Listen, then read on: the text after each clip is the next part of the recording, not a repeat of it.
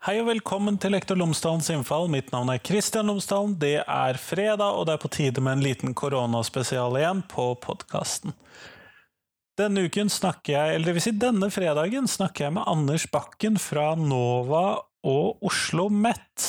Han har vært med på denne rapporten som har blitt skrevet om hvordan Oslo-ungdommen har tatt dette med å ha hjemme, eller hjemmeskole, er vel kanskje det riktigste begrepet, i løpet av våren, og hvordan det gikk, hvordan de taklet det, var det noen spesielle forskjeller mellom ulike grupper i byen, vi har en delt by, hvordan var ressursene, fikk de det til, hadde de tilgang på datamaskiner? Osv. Alt dette har de undersøkt, og det skal vi høre mer om når jeg nå prater med Anders.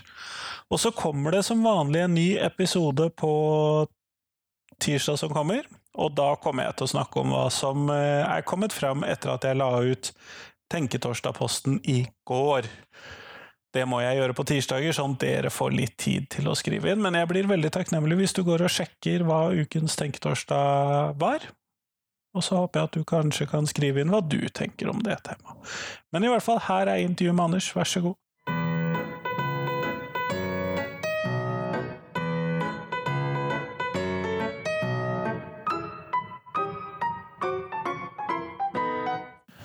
Anders Bakken, tusen takk for at du har tatt deg tid til meg i dag. Bare hyggelig. Før vi starter selve intervjuet, så lurte jeg på om du kunne fortelle lytterne mine tre ting om deg, sånn at de kan bli litt bedre kjent med deg. Ja, tre ting. Ehm, ja, det viktigste sånn jobbmessig er jo at jeg jobber som ungdomsforsker. Og eh, vi er noen ungdomsforskere i Norge, men vi er mange flere som forsker på ungdom enn som sier at de er ungdomsforskere. Mange som forsker på ungdom de f.eks. kan være voldsforskere, eller de kan være rusmiddelforskere, eller de kan være skoleforskere. Men eh, jeg definerer, definerer, meg da som ungdomsforsker. Og jeg tror at det som er forskjellen kanskje på en ungdomsforsker og de som forsker på ungdom på litt mer spesialiserte områder, er at ungdomsforskere gjerne spesialiserer seg ganske bredt. Altså, det høres litt sånn inkonsekvent ut, men eh, Prøver å se helheten, vi, da, kanskje? Vi prøver å se helheten i ungdommenes liv. Så når vi f.eks. Vi er ungdomsforskere som er inne i skolen også. Og da ser vi jo på elevene som eh, ungdom, som også har et liv utenfor skolen. For det vet vi jo, og det vet jo du som er eh, lærer i skolen også, at uh, ungdommenes liv utenfor skolen det påvirker også hvordan uh, de presterer og hva slags motivasjon og alt mulig de har i skolen. Så det er kanskje det som jeg tenker er min litt sånn posisjon, da. Det er jo å prøve å, å se på disse sammenhengene mellom ungdomsliv på de ulike arenaene som ungdommene beveger seg i. Og, så Det var det ene, at jeg er ungdomsforsker. Og så er jeg da en kvantitativ ungdomsforsker. Så jeg studerer uh, ungdom ut fra uh, spørreskjemametodikk. da. Så Vi har jo store spørreskjemaundersøkelser som heter Ungdata, som går rundt i ja, de fleste skolene, ungdomsskolene og videregående skolene i Norge er med. Så De bruker jeg mye tid på å utforme og analysere og fortolke resultater. Og det tredje er, eh, som jeg kan si om meg selv, at jeg oppfatter meg vel som i overkant som en engasjert person som involverer meg i veldig mye. Et ja-menneske som sier ja takk til veldig mye. Og når f.eks. denne situasjonen med hjemmeskole oppsto, så tok jeg og tre kollegaer vi tok selv initiativet til å gjennomføre en stor studie. Da blant uh, ungdom i Oslo mens de fortsatt hadde hjemmeskole. Og det var også en kvantitativ undersøkelse hvor det altså var nesten 13 000 ungdommer som var med på denne undersøkelsen. Nettopp, og det er jo denne undersøkelsen som uh, vi skal snakke litt om i dag.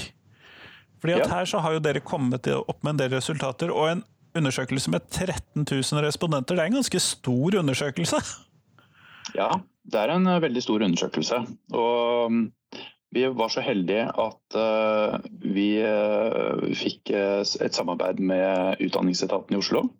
Som uh, syns at undersøkelsesopplegget hørtes bra ut. Og, og, det er jo Vi klarer jo ikke å få så mange ungdommer til å svare med mindre vi går gjennom skolen på et eller annet vis. Det å sende ut en e-post eller prøve seg via Facebook eller ulike sosiale medier og sånt nå, da er det mye færre som svarer, og du får et veldig skjevt utvalg. Så det er jo det som vi som forskere er opptatt av, det er å prøve å få et så bredt og representativt utvalg som mulig. Og da er det helt avgjørende at vi kan eh, bruke skolene, rett og slett. Så Utdanningsetaten i Oslo de eh, anbefalte alle skolene om å være med på undersøkelsen. og hvor da De anbefalte da lærerne å sette av en eh, halvtime i hjemmeundervisningen til undersøkelsen. Så det var det, det var det veldig mange lærere som gjorde. Det ble nok ikke gjort overalt. fordi Vanligvis så pleier vi å ha, når vi gjennomfører undersøkelser i skolen, så pleier vi å ha en svarprosent som kan ligge ja, oppimot 85% på ungdomstrinnene og litt lavere på videregående. Nå endte vi opp med en svarprosent på jeg lurer på om det var 37% totalt sett. Nesten halvparten av ungdomsskoleelevene i Oslo var med, og 25% av elevene på videregående. Og Vi tror at det har noe med at det er lettere å få ungdom til å være med på en undersøkelse når de sitter i klasserommet. Det er det nok. Det er eh, lett, lettere å si ja til å være med på en undersøkelse en time enn å ha et fag, er det mange som eh, tenker. Her var det jo elevene hjemme. Så eh, her hadde man jo ikke den samme kontrollen på hva elevene gjorde etter at de fikk invitasjonen da, til å, å, være med. Men vi er jo veldig glad for at så mange ungdommer var med på undersøkelsen. For det er klart at det gir oss et innblikk i, i ungdommenes liv i en periode som var helt spesiell i, i norsk sammenheng. Jeg, jeg tro, tipper, selv om liksom pandemien nå tar seg opp igjen, så tipper jeg at vi ikke kommer tilbake igjen til den samme situasjonen med, med så strenge restriksjoner som uh, for ungdommene, med hjemmeskole i, i, mange uker. Og det er klart at for ungdom som har, det, har litt den der spesielt trangen til å få anerkjennelse og få bekreftelse og være sammen med andre ungdommer, jeg tror at det var en veldig, veldig spesiell situasjon å ikke kunne gå på skolen da, og treffe vennene sine. Det er på en måte det som er den strukturerende delen av, av hverdagen. Så øh, vi hadde jo egentlig litt sånn hypoteser om at veldig mange ungdommer ville oppleve denne tiden som veldig problematisk. Og det vi gjorde, som jeg tror var et veldig bra grep som vi gjorde i undersøkelsen, som jeg svarte ser i ettertid, det er at vi både stilte spørsmål om hvordan de opplevde det negativt med hele koronasituasjonen, og om de opplevde noe positivt. Og Vi stilte spørsmålet liksom, eh, først hva var det, hvordan har det påvirket deg negativt fra liksom, ikke det hele tatt til svært negativt. Og så på samme side så var det spørsmålet hvordan har det påvirket deg positivt fra ikke det hele tatt til svært positivt. Og Det som er svarene der, er jo at det er ganske mange ungdommer som opplever eh, begge deler. Eh, hvis vi på en måte setter opp en sånn vektskål på de to spørsmålene, så er det det negative som eh, veier tyngst. Det var litt det var, vanskelig, rett og slett? Litt, litt, vanskelig. Og da er det liksom det de svarer, det er savn av venner, savn av skole og savn av fritidsaktiviteter. Det er på en måte de tre tingene som de helt åpenbart oppgir. Det er relativt få som opplever problemer knyttet til selve smittesituasjonen. Altså, veldig få ungdommer var egentlig særlig bekymret for at de selv skulle bli smittet. De var mye mer bekymret for at uh, noen i familien eller venner skulle bli syke, eller at de selv skulle smitte andre. Men relativt få bekymringer eh, rundt akkurat selve smittesituasjonen. Men de var også bekymret for at eh, bestemor kunne bli smittet, f.eks. Det var mye snakk om det på det tidspunktet, at eldre var mer utsatt og var en veldig risikoutsatt gruppe. og Det er det jo for så vidt fortsatt også, selv om vi ser at smitten nå er ganske lav akkurat i de gruppene. Men da var det jo høyest eh, blant de eldre. Så, men det var dette sosiale, helt åpenbart det sosiale, som var det som veide negativt da, for veldig mange ungdommer. Og så er det på den andre siden altså, så var det sånn at denne vekta som vi hadde, denne vektstanga, den bikka bare litt ned på den eh, negative siden. Ja, nettopp. Og det var nesten like mange som opplevde at uh, situasjonen var uh, Opplevde at de ble positivt påvirket av situasjonen. Og det var nesten hver femte ungdom de opplevde uh, ganske mye sterkere sterkere positive effekter enn en negative. Så for noen så var dette som en veldig positiv greie og egentlig veldig lite negativt. Og for andre så var det da en, en negativ greie og lite positivt. Eh, og ca. halvparten av ungdommene så var det liksom enten litt positivt eller litt negativt. altså Det påvirket dem ikke sånn veld, veldig mye, verken positivt eller negativt. da. Det veide liksom det litt opp, da? Det, det, veide nok litt opp, uh, rett og slett. Det vi ser, liksom, vi graver på de positive sidene, da. hva er det som gjorde et positivt, så var det sånn at uh, for mange så opplevde de nok dette som et litt sånn pusterom fra en ellers ganske hektisk hverdag. Ikke sant? Og det har jo vært diskusjoner de senere årene om dette med generasjon prestasjon, og at det er veldig mange ungdom som opplever veldig mye press på ulike områder. og sånt nå. Nå er det ikke sånn at vi i våre undersøkelser finner at det, liksom, det, gjelder absolutt alle. Det er veldig stor variasjon i veldig mye press ungdommer opplever. Det er klart at For de ungdommene som opplever mye press, opplever kanskje både press fra skolen, kanskje press som gjør det bra i idrett. Samtidig så skal du liksom se bra ut eller ha en bra kropp, og det er kanskje mye krav fra foreldre. og sånne ting. Jeg tror For de ungdommene så var nok dette et, uh, ga dette litt sånn pusterom. Og, og, muligheter for liksom å kjenne på kanskje en annen type energi enn det man uh, hadde tidligere. En av clouene som vi ser, det er at flere ungdommer, ganske mange ungdommer opplever at de fikk mer søvn i denne perioden. Jeg tviler ikke på det. Nei. Og det, det kan jo være at de at ikke de Vi så også, det er ikke alle som hadde sånn oppmøte klokka halv ni om morgenen og måtte logge seg inn og være på en måte logga hele dagen. Dette var veldig stor variasjon. Så noen kan jo selvfølgelig kanskje ha logget seg inn om morgenen og så lagt seg litt eh, videre igjen utover dagen. Men, men jeg tror nok at eh, mange ungdommene beskriver at eh, de kunne planlegge altså De hadde større fleksibilitet i hvordan de kunne planlegge hverdagen sin. Og Sånn sett så kunne de kanskje liksom få, få til det de skulle på skolen, men de kunne velge litt. Og det er klart at, at Hvis du har et sånt hektisk liv som mange har, hvor de holder på med skole til klokka er to, tre, fire, og så er det rett på fritidsaktiviteter, og så er det lekser og forberedelser, prøver, og så skal du passe på en søster og gå tur med bikkja og alt dette her. Det er klart at når mye av disse tingene var tenkende. Og plutselig så var det ikke fem dager i uka du var på trening på, på idrettslaget. Så, så, hadde man litt bedre tid, da. Men så var det også mange som opplevde at de fikk mer tid til å være sammen med familien sin, og at de gjorde mer hyggelige ting sammen med familien sin. Så jeg tror nok også det er en ganske viktig faktor oppi det hele. At øh, kanskje ikke bare ungdommene, men også kanskje foreldrene har fått litt bedre tid. Det vi ser er jo at åtte av ti ungdommer i Oslo de svarer at en eller begge foreldrene deres hadde hjemmekontor. Det er ganske mange? Det er, det er veldig mange. Uh, to av ti svarte at foreldrene enten var blitt permittert eller blitt arbeidsledige. Så det er en veldig alvorlig sak. Hvis vi slår sammen de, så er det altså ni av ti ungdommer som opplevde at minst en av foreldrene enten hadde hjemmekontor eller var permittert. Og det betød jo veldig stor grad at uh, foreldrene var mer hjemme, da enn tidligere. På også et tidspunkt hvor ungdommene var hjemme, for de var jo også hjemme, hadde hjemmeskole. Så det ble jo mer møtepunkter.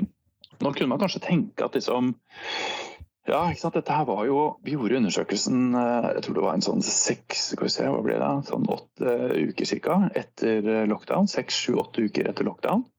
Man kunne kanskje tenke at liksom det ble litt tett. da i disse familiene, og at det ville kanskje føre til det motsatte. Altså større avstand, mer krangling og mer konflikter og sånne ting.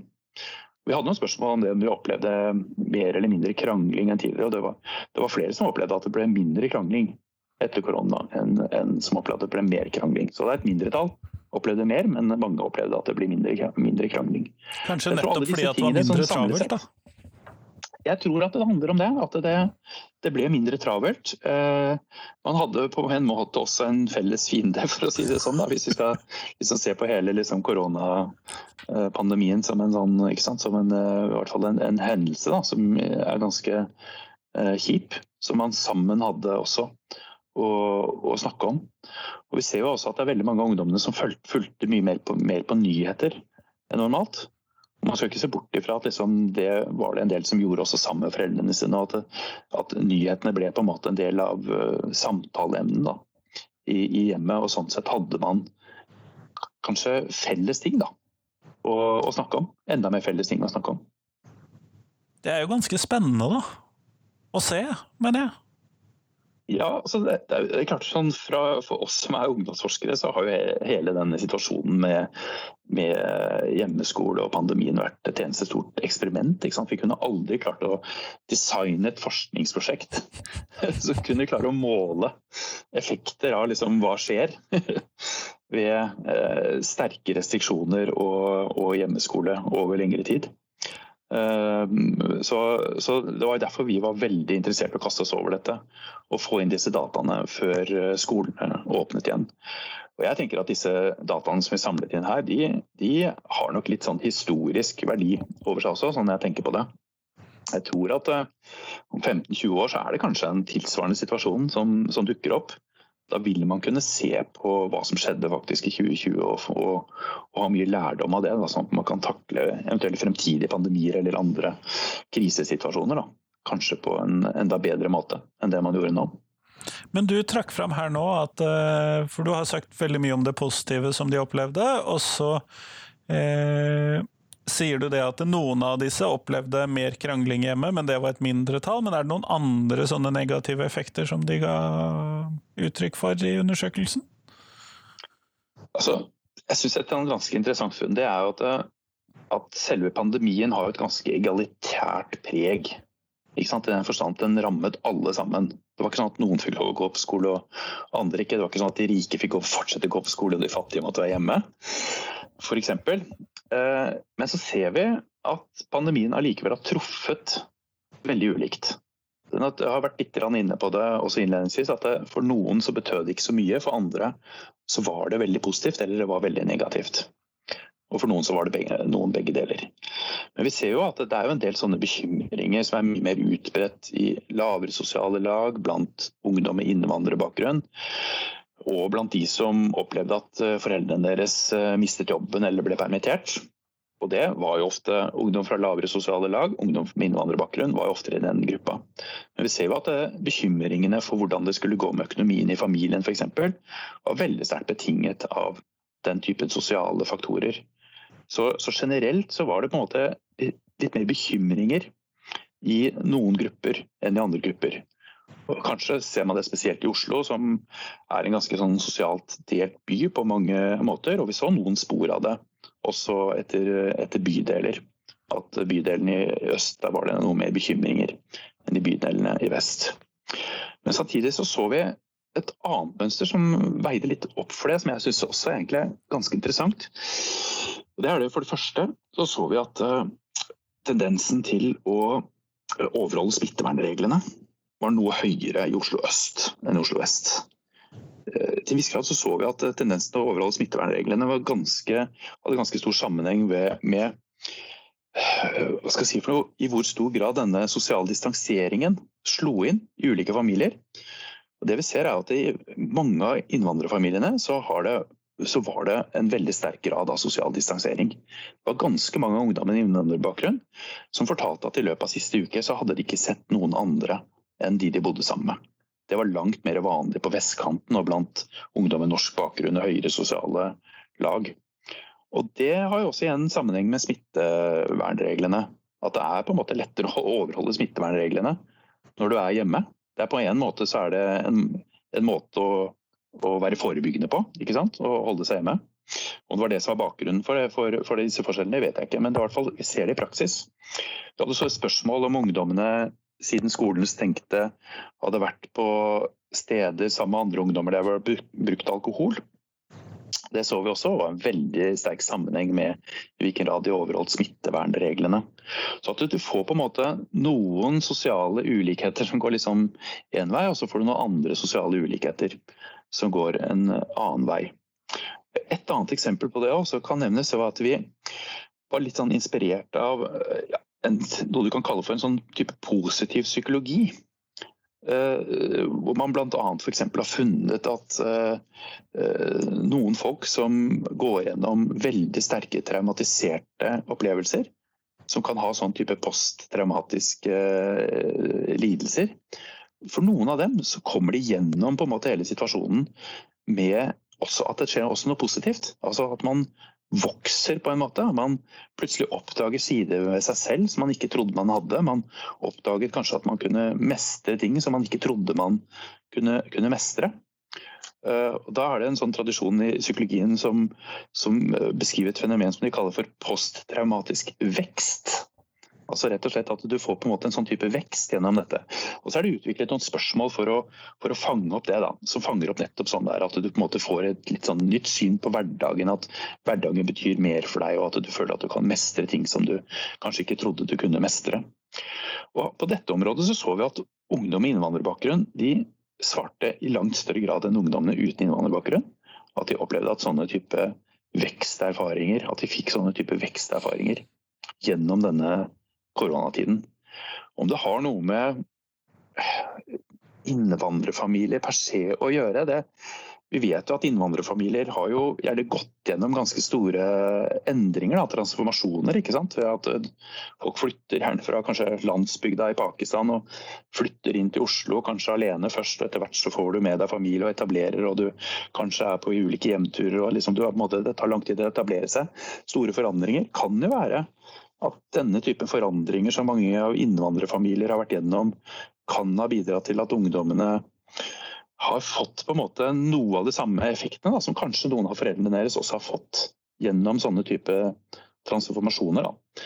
Det blir spekulasjoner, men, men, det var veldig store forskjeller. Vi fant at det var nesten 40% av ungdommene som, med innvandrerbakgrunn som opplevde ganske mye sånne type personlige veksterfaringer, mot 20% av ungdom uten innvandrerbakgrunn.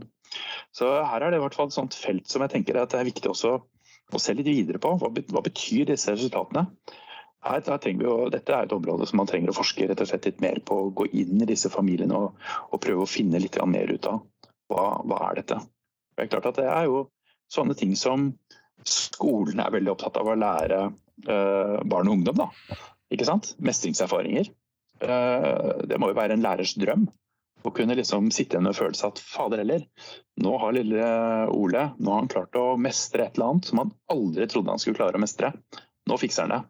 Ikke sant? Det er på en måte, tenker jeg, det er kanskje Det er jo det vi vil. Ja, ikke sant? Så, så, det at det er mange som opplever at de har hatt sånne, sånne situasjoner eh, Så da er vi litt inne på skolens rolle igjen, da. Eh, det, kan det ha vært skolen som har påvirket her også?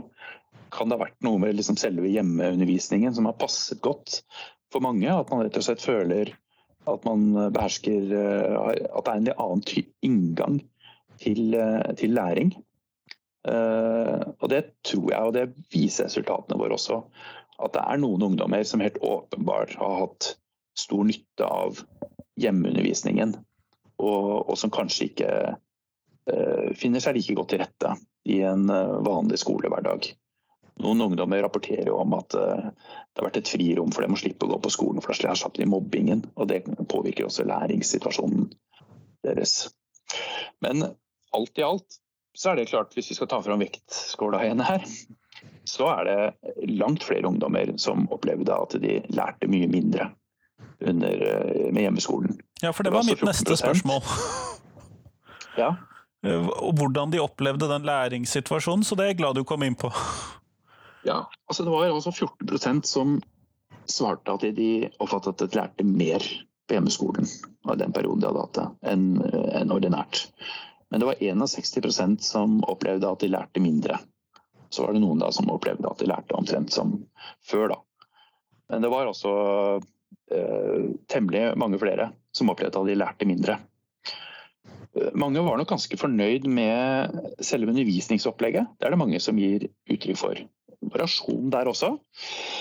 Men mange er ganske fornøyd med undervisningsopplegget. Og så er det jo det de rapporterer om, veldig store variasjoner i hvordan selve undervisningen har vært. Veldig store forskjeller i hvor mange oppgaver de på en måte har fått i løpet av en uke. Store forskjeller i litt mer sånn strukturen på ungdomsskolen så var det ganske vanlig at man logget seg inn om morgenen. Det var krav til det. Og så var det litt mindre vanlig at det var noe krav til å logge seg inn på andre tidspunkter da, utover skoledagen. På videregående så var det eh, langt færre som hadde på en måte den typen eh, struktur. Da. Så dette her tror jeg nok varierte mye Kanskje fra skole til skole, kanskje fra lærer til lærer, og kanskje fra elev til elev også, hvor mye man faktisk liksom innordnet seg de reglene. da. Nettopp, nettopp. Men eh, kunne dere ut fra undersøkelsen lese noe ut av hvordan type opplegg, eller om man fulgte timeplanen på skolen til vanlig, eller noe sånt? Kunne dere lese det ut av eh, undersøkelsen, eller er det for detaljert eller for på siden? For å si sånn, Vi jobbet mye når vi på å lage spørreskjema for nettopp å kartlegge akkurat dette. Men vi klarte ikke å finne gode spørsmål som vi kunne liksom slå oss til ro med. Fordi det er så veldig ulike måter undervisning fungerer på. Uh, ja, så vi, vi, rett og slett, vi, vi, rev oss i hodet. Vi hadde masse runder. Involverte lærere, involverte skoleetaten. Hvordan skal vi klare å, å spørre om dette? Men, men, vi måtte gi slipp. Så vi, vi endte med sånn type spørsmål hvor vi, hvor vi spurte om de måtte logge seg inn f.eks. om morgenen. Uh, og at det var et felles opplegg på en måte i starten av dagen, og om de hadde noen sånne holdepunkter utover dagen. Nettopp, nettopp, nettopp. Eh, men en ting som var min bekymring tidlig i dette, var dette her med internettoppkobling og hjemmenettverk og datamaskintilgang og den typen digitale eh, verktøy, f.eks. Hva fant dere ut om det? Ja, altså, vi fant ut at uh, Jeg tror det var 98 eller 99% som svarte at de hadde tilgang til enten en iPad eller en PC eller en Mac eller noe sånt, som de, kun, som de på en måte rådde over. Og det, det tallet er veldig, veldig høyt. Eh, hva som skyldes de 1-2 som ikke hadde det, det kan, det kan være litt tilfeldigheter. Og, og, eh, men her tror jeg at eh, skoleetaten også var ganske flinke til å være ute og kartlegge hvem som manglet dette. Så akkurat liksom tilgangen til de digitale betingelsene, de, den var stor. Men det vi så varierte mer, var jo i hvilken grad man hadde et sted man kunne jobbe i fred hjemme. Det er klart at det varierer jo veldig med, med boligstørrelse, selvfølgelig. Og med hvor mange som er i familien, hvor mange søsken man har. Og hvor mange foreldre som var hjemme. Eh, og så varierte det også en del hvor godt internettoppkoblingen fungerte. De fleste hadde bra internett, men det var en del som eh, klagde over at det kunne liksom eh, variere litt. Og det, det, så jeg også bare selv. Vi var fire stykker her hjemme, og det, det er klart at når alle satt og jobbet samtidig, så, så lugga det generelt litt mer, særlig i starten. Men så hjalp det seg på etter hvert. da. Så det, det var det. Men vi fant ut at det var ca hver tiende som hadde lite optimale hjemmeforhold. Eh, som da enten hadde manglet et sted å, å være, hadde dårlig internettilkobling, og noen få av de hadde altså manglet også datamaskiner. Og dette varierte jo i veldig stor grad sosialt. Der så vi at uh, ungdom fra lavere sosioøkonomiske sjikt var langt overrepresentert, og ungdom med innvandrerbakgrunn Oslo øst. Så så vi på en måte de tradisjonelle sosiale skillene på det området. Så så vi også at de ungdommene som denne 10 da, som hadde dårlige hjemmeforhold, de var langt mer, langt mer misfornøyd med undervisningen. Og de opplevde også at de lærte mye mindre enn uh, ungdommer som hadde bedre hjemmeforhold. Så Det er klart det er et viktig resultat fra studiene der. og Det er at man, det er veldig viktig å sikre at man har gode uh, forutsetninger for å følge digital uh, hjemmeskole når man innfører det. Nettopp, nettopp. Uh, og det tror jeg nok vi bør ta med oss inn i sånn fremtiden når vi skal vurdere hvordan vi legger opp sånne uh, ting, hendelser senere. Eller reagere mm. på hendelser senere. Men hvis du skulle uh, gjøre noen uttrekk fra undersøkelsen om hva er det vi virkelig trenger å lære av det som har skjedd, og det dere har funnet ut om dette. Hvilke sånne hovedpunkter er det du ville trekke ut av? Altså, et ting som jeg syns var veldig interessant, det var at de elevene som var mest fornøyd med hjemmeskolen og som følte at de lærte mest, det var de som rapporterte at den sosiale kontakten med resten av klassen var, eh, var best. Så her var, det, her var, det, veldig stor variasjon, rett og slett. Mellom skoler og mellom, eh, mellom klasser hvordan man opplever den sosiale kontakten. Og Det tenker jeg er en ganske viktig faktor. Kanskje er det liksom en sånn motivasjonsfaktor. Kanskje er de lærerne som har klart å opprettholde sosial kontakten i klassen, kanskje er det de som har klart å strukturere hverdagen best, på et vis. da. Ikke sant? Altså, man vet jo hva som skjer hvis man overlater alt til ungdom og skal strukturere sin egen hverdag. Så er det noen som fikser det dødsbra, og så er det veldig mange som ikke fikser det. Som gir litt blaffen, ikke sant. Og det blir lite motiverende. Men, eh, men kanskje den sosiale faktoren er en eh, veldig viktig ting å, å ta med seg uh, oppi det hele. Og kanskje særlig i disse tider hvor nå, i hvert fall De siste ti årene så har det jo veldig mye av også den sosiale interaksjonen mellom ungdommer er jo på nettet. Og Sånn sett så blir skolen kanskje en ekstra sånn viktig møteplass da, for ungdom. fordi noen andre møteplasser har på en måte blitt redusert eller overtatt av, av sosiale medier. Så, så, Det tror jeg kanskje er en av de viktigste tingene jeg ville trekke fram akkurat når det gjelder rundt den skolesituasjonen. Det er også å tenke på den sosiale faktoren. Nettopp, nettopp. Hvis du skulle få så mye midler, eh, forskningsmidler som du kunne drømme om og sånn, eh, er det noen sånne tydelige videre forskningsprosjekter i dette som eh, du kunne ønske deg? Nei, det ville være å se på mer langtidseffekter. Følge, kalte koronagenerasjonen, eh, over lengre tid. Vi gjennomførte undersøkelsen anonymt da hadde det vært veldig fint å ha hatt muligheter til å gjennomføre den ikke anonymt. Da, og kunne følge ungdommene over uh, lengre tid, gjennom ungdomsalderen og over i voksenlivet. Og, og sammenligne med ungdom fra året før, som på en måte ikke opplevde det. Eller ungdom for ti år før som på en måte absolutt ikke opplevde det. Det tror jeg ville vært et litt sånn drømmeprosjekt. da. Å ha det vi kaller for longitudinelle data, og følge ungdommen over tid. Nettopp. Det hørtes ut som uh, en forskers uh, gode drøm. Absolutt. Uh, men nå går vi mot slutten av podkastintervjuet, og da skal jeg stille deg det spørsmålet som jeg stiller alle jeg intervjuer. Og det er hva er det viktigste skolen lærer elevene, hvis du skal velge ut tre ting?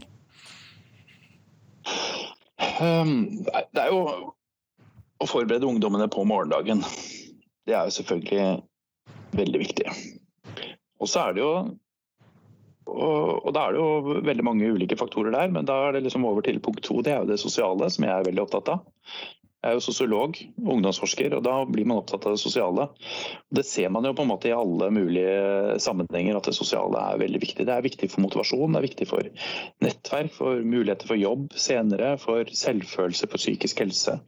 Viktig for veldig mye. Så den biten syns jeg også er ekstremt viktig. At, uh, skolen, at skolen, også har den rollen. Da, og skulle ivareta på en måte hele mennesket. Uh, sånn sett. Og så en tredje ting uh, Kanskje å lære ungdommene i enda større grad til å få en følelse av at de har en større tilhørighet i samfunnet. Det er jo lett at ungdom eh, kan bli bare ungdom i den generasjonen de er.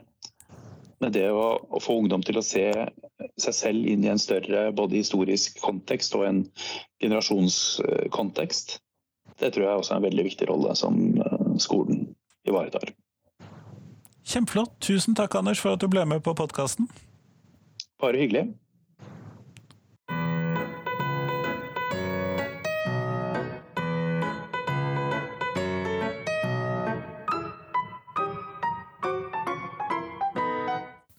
Tusen takk til Anders, og tusen takk til deg som eh, hørte på. Nå er det bare noen dager igjen til det er en ny ordinær episode. Det kommer også til å være en egen koronaspesial neste fredag. Eh, rett og slett fordi jeg har én planlagt.